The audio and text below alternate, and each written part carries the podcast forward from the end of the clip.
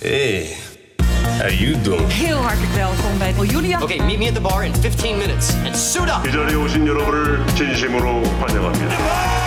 Listen to what Mr. Shelby has to say. We zijn er weer, Content Wars, je favoriete podcast over de wereld achter de content. Mijn naam is Jelle Maasbach en nog altijd met mij mijn grote vriend Kirstian van Nieuwhuizen, format-ontwikkelaar. Hij is de man achter programma's als That's the Question, TV-makelaar, Singletown en hij zat in het team van deze hit. Big Brother, de spraakmakende live soap. Meedogenloos worden de bewoners geregistreerd door de camera's. Elke stap wordt gezien, nergens is er privacy en jij kunt ze dagelijks volgen. Hoe gaat hun leven verlopen? Elke werkdag van 8 tot half 9. Elke donderdag een extra uitzending met familie, vrienden en deskundigen. En zondags een compilatie van het afgelopen weekend.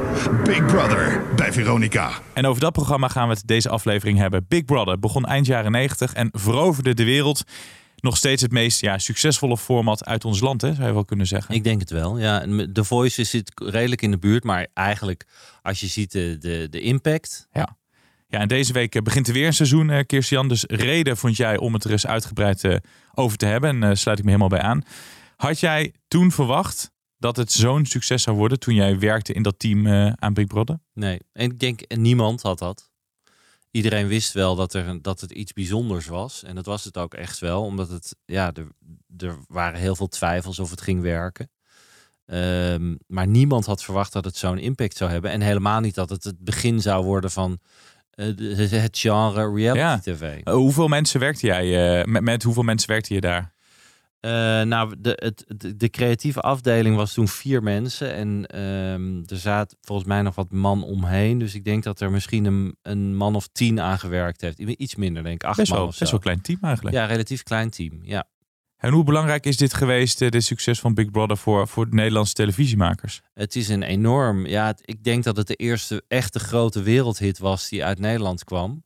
Het heeft uh, John en Joop uh, miljardair gemaakt. gemaakt. Echt wel de, de fusie of de aankoop van Telefonica door uh, Animal door Telefonica kwam grotendeels door het succes van Big Brother. Eigenlijk Zeker. is gewoon het succes van Big Brother geweest. Um, en het heeft Johns naam meteen internationaal gezet. Um, en daarna heeft hij het natuurlijk nog waargemaakt met een Deal or No Deal en The Voice ook nog. Dus John is daarin ook wel de enige die drie van dat soort wereldhits heeft. Maar Big Brother, ja, uniek en fantastisch dat je uiteindelijk uh, zoiets kan maken in Nederland. Ja, en over uh, televisiemakers gesproken. Ik was voor BNR was ik in Las Vegas op de CES. Dat is de grootste techbeurs van de wereld. En daar liep ik Reinhard Oerlemans tegen het lijf. Hij moest daar als honorair, honorair consul moest hij ondernemers daar begeleiden. Uh, maar ik kon hem ook vragen naar formats. Uh, even een persoonlijke vraag. Uh, we kennen je natuurlijk allemaal met je formats. Ben je nog met mooie dingen bezig op het moment waar je wat over kan vertellen? Ja, continu. weet je wat mooi is? Ik heb een, een, een businessmodel gevonden eigenlijk in LA, in Hollywood. ja, wat dreigt te lukken, laat ik het zo zeggen. Binnen mijn bedrijf zijn wij eigenlijk in een studiomodel gegaan. Dus wij uh, identificeren hele talentvolle mensen, creator producers, die halen wij in huis en we bouwen met hen als een incubator een bedrijf op. En we hebben heel veel verschillende labels nu. En die, die bedrijven allemaal proberen wij te groeien. En dat is ontzettend leuk. Um, en ja, dat, de ene gaat goed en de andere gaat minder. En de ene gaat heel goed. En dat is heel leuk. Komt de nieuwe wereldhit uh, eraan? Mag wel weer een keer, want we hebben niet zoveel Nederlandse wereldhits meer, hè? Nou, er is, er is één format wat het wel goed doet. Dat is de Verraders van RTL. En dat is echt wel een internationaal ding. Komt binnenkort op, binnenkort op Peacock. En dat is toch wel leuk. Dat er eindelijk weer zo'n Nederland uh, mooi format uh, de wereld in gaat. Maar binnenkort ook uit jouw koker dan... We hebben nu de grootste hit op Netflix, Bling Empire. Dus uh, we zijn goed vertegenwoordigd. Ja, hoe leuk is dat? En uh, ik moest jou de groeten doen. Ik vertelde dat ik dus Content Wars met jou opneem. En hij kende jou. Ja, nou, dat is hartstikke leuk. Is toch lachen? Ja, absoluut. En ik heb veel respect voor Reinoud. Ik denk dat hij het voorbeeld is van iemand die zijn dromen waarmaakt. En gewoon normaal, kan ik dan uit ervaring nu vertellen, ook gewoon normaal gebleven. Is echt een relaxte gast die met iedereen een 40 miljoen.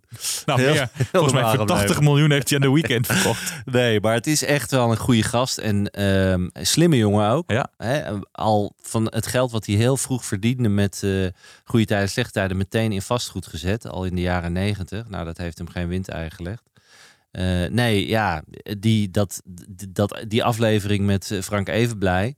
Uh, liet natuurlijk zien hoe welk droomleven hij leeft. Ik zou het persoonlijk niet hoeven, maar ik snap als je zoiets ambieert, heeft hij het helemaal gemaakt natuurlijk. Dus het is hartstikke leuk. Dat ja. jij zou het niet willen als in, in zo'n groot huis wonen of met uh, Danielle Overgaag zijn of, of daar in Amerika wonen? Uh, nou, meer dat laatste. nee, ik zou nou die, dat hele jetset leven wat hij heeft, ja, dat zou niks is voor jou ongelooflijk. Zijn, uh, en ik snap dat, dat je dat heel leuk vindt. Maar persoonlijk voor mij zou dat niet hoeven. Maar ik, wat ik leuk vind aan hem is, is dat hij gewoon een droom heeft. En het gewoon daarin helemaal gemaakt heeft. Um, en wat ik bijvoorbeeld me wel eens afvraag bij een John de Mol. Dat ik denk van, je hebt zoveel bereikt en zoveel geld verdiend. Waarom ga je niet alleen maar hele mooie dingen maken? Ja, of waarom blijf je maar door? Waarom blijf je maar doorpruttelen met al die meuk ook? Um, en bij, bij, bij Reinhard, die wil een film maken, die gaat een film maken, weet je wel. Dus dat vind ik, uh, vind ik ja. bijzonder. Oké, terug uh, naar Big Brother. We hadden het er net al over. Je had het succes niet zien aankomen. Ook die andere creatievelingen om je heen niet. Toen werd het eenmaal uitgezonden. En toen, hoe ging het vervolgens daarna? Hoe ging het naar het buitenland? Nou ja, kijk, in Nederland was het natuurlijk een heel groot succes. Dus dan krijg je meteen heel veel interesse van het buitenland. Alleen even een stapje terug. Het is een enorme um, uh, hordes heeft John moeten nemen om het op de buis te krijgen. Dat, dat ten eerste. Want uh, aanvankelijk wilden heel veel zenders het niet hebben. Uh, het verhaal is toen dat Veronica, waar toen Unico Glory enthousiast was over het format, mm -hmm. het wel aandurfde, maar alleen maar als John het grootste deel van het budget betaalde. En dat ging om miljoenen. Ehm, dat was al uitzonderlijk dat iemand natuurlijk zoveel risico durft te nemen. Uh, als wederdienst eiste John toen dat hij een deel van de reclameopbrengsten uh, blokken rond Big Brother mocht hebben. Ehm, dat was nog nooit gedaan. Ik meen zelfs daarna ook niet meer door zenders, maar dat weet ik niet. Maar dat is iets echt wat echt de meeste zenders natuurlijk nooit doen. Nee. De helft van hun inkomsten. John zei, als het een hit is, dan profiteer ik. Als het geen hit is, ja, dan ben ik zelf ook de Sjaak. Ja. Zo slim was die. En ik weet ook dat Unica Glory vervolgens enorme ruzie kreeg binnen RTL, waar Veronica toen nog onderdeel van was. Zelfs zo erg dat de baas boven Unico uh, gesneuveld is. Die eiste dat Unico dat dat uh, teruggedraaid werd en zo. En Unico heeft het toen hoger gespeeld. En mede door het succes van die show is toen de baas boven Unico is verdwenen. Die heeft het verloren, de strijd. En John was spekkoper, omdat uiteindelijk die reclameblokken rond dat programma enorm succesvol waren natuurlijk. Um, maar het was een enorm probleem om het format zover te krijgen. Want dat, hè, daar kunnen we het ook nog wel even over hebben. Hoe lang het heeft geduurd om dat format te ontwikkelen. Um, en het vervolgens verkocht te krijgen. Ja, dat, dat was echt wel een dingetje. Nou, vertel maar, hoe lang heeft het geduurd om dat format nou, te ontwikkelen? um, dat format is ontstaan, de, het idee is ontstaan eind jaren 90. Dus dan hebben we het over 97 ongeveer. Er waren toen een viertal elementen die, die, die uh, Big Brother hebben doen ontstaan. Er was een, uh, een experiment in Amerika, dat heette Biosphere, waar een aantal wetenschappers in een soort doom werden opgesloten een jaar lang. En die moesten zelf zien te overleven. Dat speelde. Uh, er was een heel beroemd format waar Animal een optie op had. Dat heette Survivor. En dat kennen we nu allemaal als Expeditie Robinson. Ja. Daar was John een enorme fan van. Wij allemaal eigenlijk. Vonden het een heel interessant format. Alleen het was nogal duur, want dat moest op een, hè, op een eiland. Maar het element daar dat ze spellen speelden en dat ze elkaar mochten wegstemmen, vond men ook uh, bij Animal interessant. Um, en er was uh, The Real World, wat in, op MTV best wel een heel erg groot ding was in de Mhm. jaren negentig. En dat was weer een aantal jongeren in huis. En John is op een avond gaan zitten, ik was daar niet bij, met eh, Paul en, en eh, eh, met Paul Reumer en Thijs Reumer, mijn destijdse baas, en Patrick Scholzen. En die hebben toen gedacht van, als we daar nou is, is daar een combinatie van te maken. Dus kunnen we een huis nemen met een soort afvalprincipe, wat, ook, wat we ook wel zien in, eh in, Robin, of in de Expeditie Robinson. En ook een soort eh, isolement en ze moeten zelf zien te overleven aan buiensfeer. En zo is eigenlijk Big Brother dus een huis. Nou, dat, daar kwamen we terug. Het heette toen Project X binnen Endemol. We mochten het er niet over hebben, Project X. Toen zijn we daarmee begonnen. En toen zeiden we, ja, het idee was toen 100 dagen in een huis en uh, helemaal afgesloten. En ze moeten zelf zien te overleven. Dus ze moeten zelf kippen slachten, ze moeten zelf elektriciteit opwekken. eh, helemaal autonoom zien te leven. Eigenlijk heel erg voor eh, pre-wokeness. van helemaal groen en zelfs self-sufficient. Ehm, daar zijn we toen een jaar mee bezig. Want iedereen zei toen van ja, als ze honderd dagen daar gaan zitten, dan moeten ze elke dag wat doen. Want mensen willen wel kijken naar een programma waar iets gebeurt. Dus wij zijn allerlei spellen gaan bedenken. En wat kunnen ze doen? En één keer per week of één keer per maand mocht er iemand uit. Honderd dagen zou het eerst duren. Um, uh, en één keer per week mocht iemand eruit. En dat is, er weer, dat is het niet geworden. En we mochten, we mochten dan bellen met de krant. En dan zou dan Telegraaf, zou dan, mochten ze over het nieuws horen. Nou, is ook allemaal eruit gaan. Die, die Bijbel heeft wel, zijn we wel een jaar mee bezig geweest. Om te bedenken van wat moet er allemaal gebeuren. En de grap was uiteindelijk dat Big Brother werd uitgezonden. En die hele Bijbel werd bijna niks uitgedaan. Ze hebben een jaar lang voor niks heb je aan die nou, hele fucking Bijbel lopen zo voelde dat een beetje. Um, heel veel van die dingen zijn in latere seizoenen teruggekomen. Die we wel bedacht hadden in die Bijbel. Een van bijvoorbeeld de werktitels na Project X was De Gouden Kooi. Ik heb ook nog het boekje zelfs ervan. Zo heette het format ooit. Uh, zijn we allemaal bekend mee geworden jaren later. Ja, jaren later. De versie De Gouden Kooi. Maar Big Brother heette eerst De Gouden Kooi. Oh, wat grappig. Uh, maar uiteindelijk werd het helemaal niet een Gouden Kooi. Want het werd heel minimalistisch. En toen kwam Haaien van der Heide, die is toen destijds mijn basis geworden eh, na Thijs Reumer. Die zei, moeten we het niet noemen Big Brother is watching you? Um, en toen zei John, dat is een goede titel, maar die is te lang, dus we maken het Big Brother. En toen weet ik nog dat, dat John Haaien heeft beloofd voor elk land waar Big Brother gaat lopen, krijg jij een fles champagne.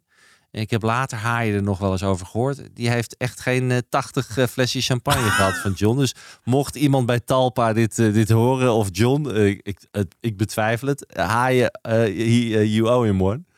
maar Haaien heeft dus, Haaien van de Heide heeft dus Big Brother de titel ooit bedacht. En zo is het eigenlijk het langzaam maar zeker ontstaan. Ja, en toen ging het ook langzaam maar zeker de wereld veroveren. Toen werd het echt een Nederlands succes.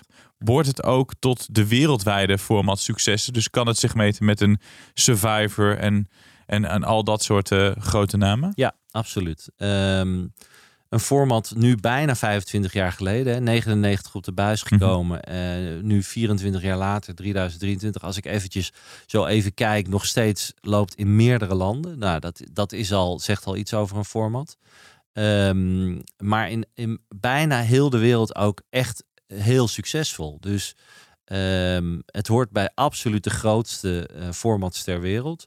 Uh, overal waar ik in de wereld kom, als ik het heb over tv, uh, mensen vragen wat doe je dan? Ja, nou dan zeg ik, ik form, format ontwikkelen. En dan zeggen ze welk format dan? Dan zeg ik, ja, ik heb wel meegewerkt aan Big Brother. Nou, weten ze allemaal. Iedereen weet, iedereen kent Big dus Brother. Dus Big Brother is een beetje de kruif onder de formats. Iedereen heeft het altijd over ja. Kruif. Ja. En, en Big Brother is natuurlijk de, de start geweest van al die spin-offs à la Temptation Island. En uh, nou ja, het noem ze maar veel aan gang gezet. Het heeft allerlei subgenres binnen de reality teweeggebracht. Um, het is misschien niet het eerste reality-programma geweest, want hè, The Real World was, was ook reality. En je hebt er ook nog wel een paar voor Big Brother.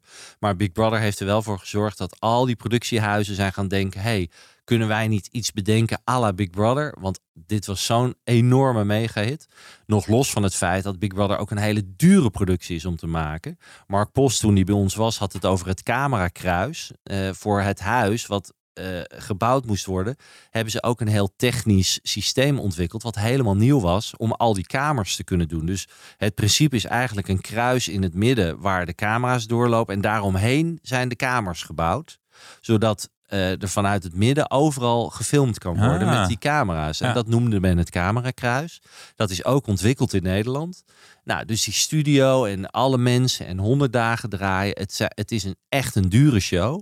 Uh, dus het levert voor uh, productiehuizen en zenders ook echt veel geld op. Straks gaan we het hebben over de toekomst van Big Brother. Eerst onze nieuwe rubriek.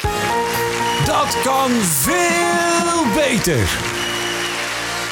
Waarbij jij, Christian van Nieuwenhuizen, wekelijks bespreekt welk format veel beter kan. Want wij vonden het, hè, New Year, New Me, vonden het wel leuk om het een keer niet iemand de grond in te trappen. Of hoe zeg je dat? Als iemand op de grond ligt te trappen. Doodtrappen. Doodtrappen. hoofdstrappen. Nee. Uh, maar gewoon een format dat, dat beter kan. Dus jij komt met uh, aanvullingen. Ja, en dat, dat doe ik eigenlijk met een, met een bepaalde reden. Want ik, ik werd uh, na aanleiding van ons afgelopen jaar ook wel een beetje af en toe aangesproken dat ik te aardig werd. Dat je het aardig werd. Ja, dat ik niet meer kritisch was op formats. En, uh, te weinig op Mediacourant. Uh, te weinig op Mediacourant. Dat ik gewoon eigenlijk te weinig um, me gal uh, spuwde over een aantal formats. Nou, is niet zo dat ik dat wil gaan doen bij deze. Maar um, we gaan dit, dit item doen omdat we het gaan hebben over een format wat nu net loopt. En dan gaan we kijken wat werkt er nou niet aan. En zou het eventueel beter kunnen? Want ik vind het wel belangrijk om niet alleen maar iets af te branden, maar ook nog aan te geven waarom ik misschien denk dat het beter zou kunnen. Um, mijn uh, bescheiden mening is. Nou, brand maar los. Ja. Nou, voor deze week wil ik een nieuw format, wat best wel groot is gebracht. De Floor. Daar hebben we het natuurlijk over gehad ja. met uh, Edson. Uh, Edson die ik, waar ik meteen wil mee beginnen, vind ik echt een talent. Het Edson, ik was natuurlijk kritisch. Althans, ik, ik dacht, ga je zo'n grote show uh, doen met een presentator die zo weinig uh, quizzen heeft gedaan. Maar ik moet eerlijk zeggen dat ik vind dat hij het echt wel goed doet. Um, maar wat is nou het probleem met de floor? Um, en de cijfers uh, afgelopen week waren redelijk goed voor een startende format. Rond de 800.000, 900.000. Is niet slecht voor RTL. Maar ik ben bang dat het gaat zakken. En dat is om een aantal redenen. Ten eerste is het, wat ik al eerder gezegd heb, er zijn te veel kandidaten. Dus het is elke keer nieuwe spelers die tegen elkaar gaan spelen. Um, en ze spelen eigenlijk anderhalf uur lang, wat ook al lang is voor een quizshow, de hele tijd hetzelfde spelprincipe. Dus we spelen de hele tijd 45 seconden over een bepaald onderwerp. Dan zien we altijd op de videowall zien we plaatjes verschijnen. En moeten wij om de beurt raden. En de degene die als eerste door zijn tijd heen is, die is, valt af en die mag de show verlaten. Dat is de hele tijd repetitief. Dus de hele tijd speel je datzelfde spelletje. Uh, en ik denk dat dat een probleem gaat worden. Ik denk dat veel kijkers het leuk vinden om naar een soort finale toe te werken hè, ja. bij elke quiz. En waarom is de slimste mens bijvoorbeeld zo populair? Is omdat je elke keer een leuk ander spel speelt. Dus, wat is mijn oplossing? Uh, het moet korter, het moet een kortere show worden. Ze gaan dit allemaal niet doen hoor, maar ik zou, dit zou mijn voorstel zijn. Gratis, hè? geen uurtje gratis, uurtje. Nee, nee ja. gewoon gratis. Um, kortere show, het moet single close. Daarmee zeg ik, elke aflevering moet gewoon een winnaar hebben. Want nu zitten we dus elke week te kijken. Uiteindelijk blijft één iemand over na, ik meen, acht weken. En die wint een, uh, een ton. Gaat ook niet werken. Elke aflevering moet één uh, um, winnaar hebben. Dus je moet ook in een uur gewoon meerdere spellen spelen. En je moet variëren met spellen. Dus ik zou beginnen met bijvoorbeeld 50 man of 30 man. Mhm. Mm -hmm. Dat is natuurlijk een heel ander format, maar uh, nog steeds wel heb je een floor met veel mensen. Verschillende spellen spelen en gewoon afronden in een uur. Dan is, die, is het veel gevarieerder. Uh, hebben we een winnaar na een aflevering. En uh, dan denk ik persoonlijk dat de floor beter zou worden. Gaan ze allemaal niet doen dit, want ze gaan gewoon door. Ze luisteren allemaal hier niet naar. Maar ik ben wel bang dat het gaat, uh, gaat inzakken. Is mijn uh, niet enorm, want RTL blijft natuurlijk redelijk veel kijkers houden. Maar ik denk wel dat het naar beneden gaat, ben ik bang. Terug naar Big Brother. Het loopt sinds deze week elke werkdag om half negen op RTL 5 en 24 uur per dag op Videoland. Vind je dat een slimme zet? Ja, nou, de eerste Big Brother liep ook al online, grappig genoeg, in 1999. Ja, zou ik bijna vergeten. Ja, ja, dus dat, dat was uh, destijds echt uh, revolutionary. Ja. Dat je kon uh, inloggen. En ik weet ook dat, ik meen dat het bedrijf van, van Nina, Nina van de Brink, van, Nina Storms, Nina, Nina, Storms nu en Nina Brink destijds, die, die deed dat. Um, en daar ging vaak wat mis als er te veel mensen inlogden, dan klapte alles eruit. Um, ik vind dat wel slim. Um, en ik denk ook dat dat het succes is voor Videoland en RTL. Dat het uh, uh, op meerdere platforms loopt. Uh, want de kijkcijfers op RTL 5 zijn niet denderend. Dat is rond de 300.000. Doet het niet ja. heel slecht, maar ook niet heel goed. zeker in het, als je het vergelijkt met het verleden waren die cijfers veel en veel hoger. Maar de doelgroep is redelijk goed. En uh, ze halen bij het Videoland en met die streams halen ze toch nog best wel genoeg cijfers bij elkaar om het interessant te maken voor adverteerders. Ja, dat was gelijk mijn volgende vraag. Want rond de, de eerste was rond de 350.000 kijkers. Uh, onze grote vriendin Tina Nijkamp die zei in haar stories... Nou, valt me niet tegen. Redelijk, redelijk goede cijfers. Ja. Uh, daar ben je het dus wel mee eens. Dus zelfs met die cijfers plus die livestreams kun je genoeg advertentieinkomsten pakken. Of kan ja. je er genoeg omheen bouwen? Ja, dat is, ik vond het, ik vind persoonlijk ook aan de lage kant. Maar uh, bij RTL hebben ze niet voor niks en weer dit seizoen gestart na vorig jaar, uh, vorig seizoen. Dus het is voor hun nog steeds lucratief genoeg. Um, en ik denk dat inderdaad qua doelgroep dat het goed genoeg scoort. Maar ja, de cijfers die de eerste seizoenen haalden, uh, hè, ver boven het miljoen en zelfs tot een paar miljoen naar de finale toe. Dat gaan we niet meer zien. Dat gaan we nooit meer zien. En een tijdje terug uh, kregen we een bericht van luisteraar Hugo Daniel de Groot. Die luistert met veel plezier, zegt hij. Nou, dank daarvoor. Altijd mooi hè, als we dit soort complimentjes krijgen. Hij is Nederlands-Braziliaans en hij zei dat uh, Big Brother in Brazilië een kijkcijferkanon is. Grote influencers, zegt hij, doen eraan mee. Gigantische studio's, sponsors als Coca-Cola en Fiat. Uh, vond ik fascinerend. En dan gelijk de vraag aan jou. Hoe komt het dat het het overzees beter doet dan hier in het land waar het allemaal is begonnen? Ja, nou dat is wel een hele goede vraag, want daar heb ik niet direct een antwoord op. In, in Zuid-Amerika heeft Big Brother het altijd heel goed gedaan en nog steeds. Want ik weet ook, volgens mij loopt het ook nog steeds in Argentinië. Um, en in heel veel van die landen is dat een mega succes. Um, Grappig wel, toch? Dat het daar zo goed ja, doet. Sterker nog, ik denk dat Big Brother zeker na de eerste paar seizoenen in Nederland het altijd in het buitenland veel beter heeft gedaan dan in Nederland. Oh ja? Um, ook in, in Engeland heeft het heel lang goed gedaan. In heel veel landen eigenlijk. En recent loopt het gewoon nog steeds. Ik, ik las dat het in India nog heeft gelopen onlangs. Zelfs in Albanië of all places.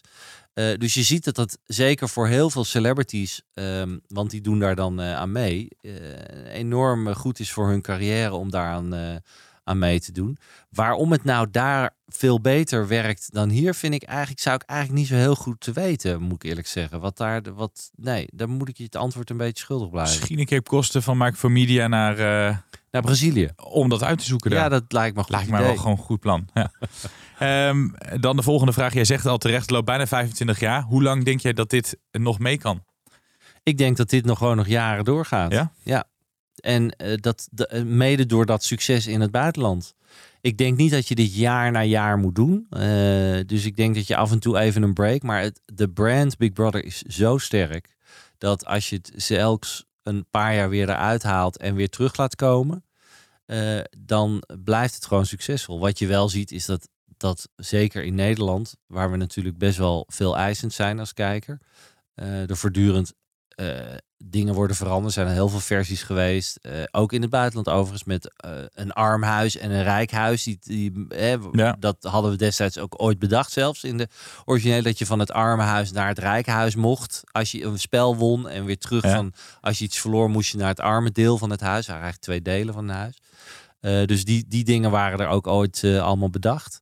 Um, ik denk dat, dat, dat we dat nog wel gaan terugzien. Verschillende versies. Zou het hier werken? Zijn bijna klaar, maar we kijken eerst nog met Lisette van Diepen naar een leuk format uit het buitenland. En uh, Lisette, goed dat je er weer bent. Hallo. Wat heb je voor ons meegenomen? Uh, toen ik de allereerste keer bij jullie was in de studio, had ik het destijds over een dagelijks format dat ik zocht voor mijn Duitse klant. En die zoektocht is nog steeds niet voorbij. En in mijn research uh, daarin kwam ik nu op een klassiekertje uit Engeland die ik die ik wilde noemen. Hij heeft niet veel gereisd en ik wil heel graag horen wat jullie daarvan denken. Het is een uh, dat al vanaf 1994 uh, op de buis is. Dagelijkse show, af en aan dus al 30 jaar bijna. En um, ik kan het niet kopen, want het is van Benejé en dat heeft in Benelux en Duitsland eigen productiekantoren. Maar ik wil hem toch heel graag noemen. Uh, de titel is Ready Steady Cook. Het is ooit begonnen op BBC 2 en vanwege het succes uh, naar BBC 1 gegaan. En uh, heeft al een aantal verschillende presentatoren gehad. Heel lang een chefkok en kookboekenschrijver. Ainsley Harriott, ons wel bekend denk ik. Het, de show bestaat uit twee ronden. En in de eerste ronde worden twee kandidaten uit het publiek, ieder aan een chef-kok gekoppeld. En elke kandidaat heeft een tas mee met ingrediënten. En het doel van het spel is om in een tijdsbestek van slechts 20 minuten op zo'n creatief mogelijke manier de meegebrachte ingrediënten te verwerken in gerechten. Dus door de chefkok en die uh, kandidaat. Um, de winnaar wordt vervolgens bepaald door het publiek dat in de studio zit en dat uh, door middel van het omhoog houden van borden kan stemmen of ofwel de rode tomaatkeuken of de groene paprikakeuken. Zo simpel kan het zijn. En dan gaat er een tweede ronde komen zonder kandidaten. En uh, dan pitchen de beide chefs uh, een, een gerecht dat zij willen maken op basis van een zogenaamde quickie bag die wordt geïntroduceerd. En daar zitten ingrediënten in die in 10 minuten moeten worden verwerkt in één of meerdere gerechten. Nou, het publiek stemt dan voor het meest ambitieuze of aantrekkelijke menu. En vervolgens krijgt die chef de kans zijn voorstel te realiseren. Um, loopt dus al 30 jaar. Ik zag dat het in Australië een seizoen heeft gedraaid of wat. En in uh, uh, Italië. En dat is het. Ja. Dus um, ik dacht, ik leg hem eens even in de was bij, bij jullie. Ja, het is een klassieker hoor. En die, die, present die presentator Ainsley is ook heel leuk. Het is een hele leuke, zwarte, um, knappe, grappige presentator. Die maakt die, die show ook wel heel goed. Uh, of ja. die, die voegt echt iets Bijna toe. een talkshow ook, Ja, hè? op een bepaalde manier. Die doet dat echt erg goed. Ik denk persoonlijk dat het gewoon een beetje oudbollig format is. En dat daar in 94 was dat natuurlijk best wel leuk. Maar dat we inmiddels uh, 2023 wordt het heel lastig om met dat soort formats te komen, denk ik. Omdat er gewoon te weinig in die zin gebeurt. Uh, voor de gemiddelde kijker. Je ziet dat zo'n format als kookklunzen, waar ik uh, niet heel positief over was uh, in een van onze laatste afleveringen. wat wel echt dramatisch slecht is. Maar goed, daar zijn natuurlijk mensen ook iets aan het klaarmaken. En daar gebeurt nog best wel veel, misschien wel veel te veel. Um, dat lijkt me één probleem. Het andere probleem lijkt me dat dit is een typisch dagelijks format hè, op uh, BBC even Ja. uit mijn hoofd. Uh, dit zou je ook dagelijks moeten doen, dus rond uh, vijf uur, half zes. En die slots zijn er Mhm. gewoon niet in Nederland. Of althans, er is geen enkele zender die om vijf uur of half zes zoiets als dit gaat doen. Um, ik denk dat dat het grootste probleem is waarom zo'n format als dit niet wordt aangekocht. Dus het mist iets heel bijzonders. Het mist, denk ik, dan ook een hele goede presentator buiten als het niet in Engeland loopt. Um, uh, en ik denk dat die slots er in ieder geval in Nederland niet zijn. Dus ik denk dat de kans dat het dan, dan in Nederland ook zou kunnen gaan lukken, klein is voor zoiets. Nee, absoluut. En ik denk, eh, cult, cult, cultureel Engeland, uh, die hebben die slots en die gaan ze ook altijd houden. Dus dit, dit, dit kan ook nog heel lang door in Engeland. Ja. En ik kijk naar de hoeveelheid afleveringen die die productiepartij heeft kunnen maken. Ja, dat, dat, is natuurlijk geweldig. Hè? Dat loopt al zo lang. En het, het is ook wel eens van de buis af, maar het blijft terugkeren. En ik denk alleen maar, oeh, als je dat toch zou kunnen kopen. En je zo'n productieopdracht eruit zou kunnen halen. Dat is de droom hè, van de aankoper. Nou en of, ja. Ja, en in Engeland zijn Ja. sowieso beter in, in tv-programma's decennia lang te blijven uitzendingen. Ja. Dat News for You is daar een voorbeeld van. Een Ja, mastermind. Sommige dingen lopen al 40 jaar. Wij gooien het dan op een gegeven moment er wel vanaf. Maar in Engeland eh, blijft iets tot in de eeuwigheid doorlopen. Maar ik, uh, ik snap jouw punt, Lisette. Ik denk alleen inderdaad, eh, in Nederland zie ik het niet komen. Nee. Zou het hier werken? Nee, het zou uh, Nee. hier niet werken. de Lisette, duim omlaag. De duim omlaag voor deze. Terwijl het wel een leuk programma is. Als je het wil zien Absoluut. op BBC, is echt leuk. Ja, en Lisette van Diepen, Eens. dankjewel. dankjewel. En het was hem alweer uh, bijna. Uh, Quinty, onze producer, die is in slaap gevallen in de tussentijd, zie ik in mijn ooghoek. Vond Dus het zo even- interessant? dus je moet even snel je tip doen. Ik ga heel snel mijn tip doen. Eventjes, um, um, ik moet even snel mijn, uh, hoe heet het erbij. Ik ga een, een tip doen deze keer van jouw favoriete streamer, uh, NPO Plus. Oeh. Hij loopt uh, een, dramaserie. Uh, en ik ga proberen om binnenkort weer even een, een formatje te, te doen. Want we hebben te veel dramaseries. Maar goed, het is wel bij veel luisteraars kijken natuurlijk veel dramaseries. Een Engelse serie op de BBC loopt nu derde seizoen gewoon lineair. Maar je kan de eerste twee seizoenen terugzien op NPO Plus. En dan hebben we het over de Split. Oh ja. Uh, en de Split is een dramaserie over een advocatenfamilie. Eigenlijk een moeder die een beroemde advocaat is in Londen.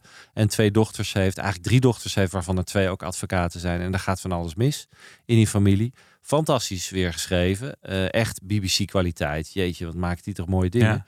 Ja, uh, de hoofdrolspeelster is een niet heel bekende, althans niet een hele grote actrice, maar wel echt een hele goede actrice. Nicola Walker. En Barry Atsma. Oh. Jawel, Ja. Barry Atsma speelt echt een hoofdrol in deze serie. Die is internationaal echt lekker bezig. hè? Ja, en dat doet hij echt wel Ja, heel knap acteur. hoor. Jongen, jongen. Want um, ik vind hem, eh, persoonlijk is het niet mijn favoriete acteur, maar hij kan echt wel wat. Hij zit ook in een hele goede Duitse serie, Ja, waar hij ook gewoon gezien. vloeiend Duits spreekt. Ja, uh, En ook in deze speelt hij dan wel een Nederlander die als advocaat in, in Londen werkt.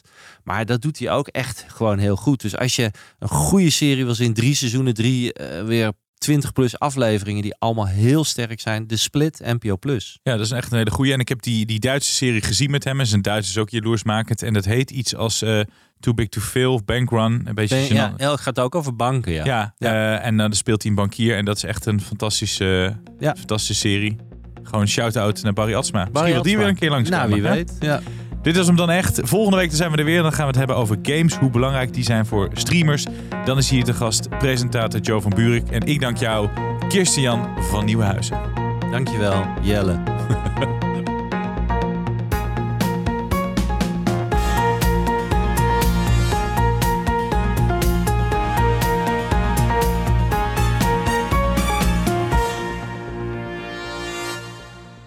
Ben jij content met deze content? Vergeet je dan niet te abonneren op Content Wars.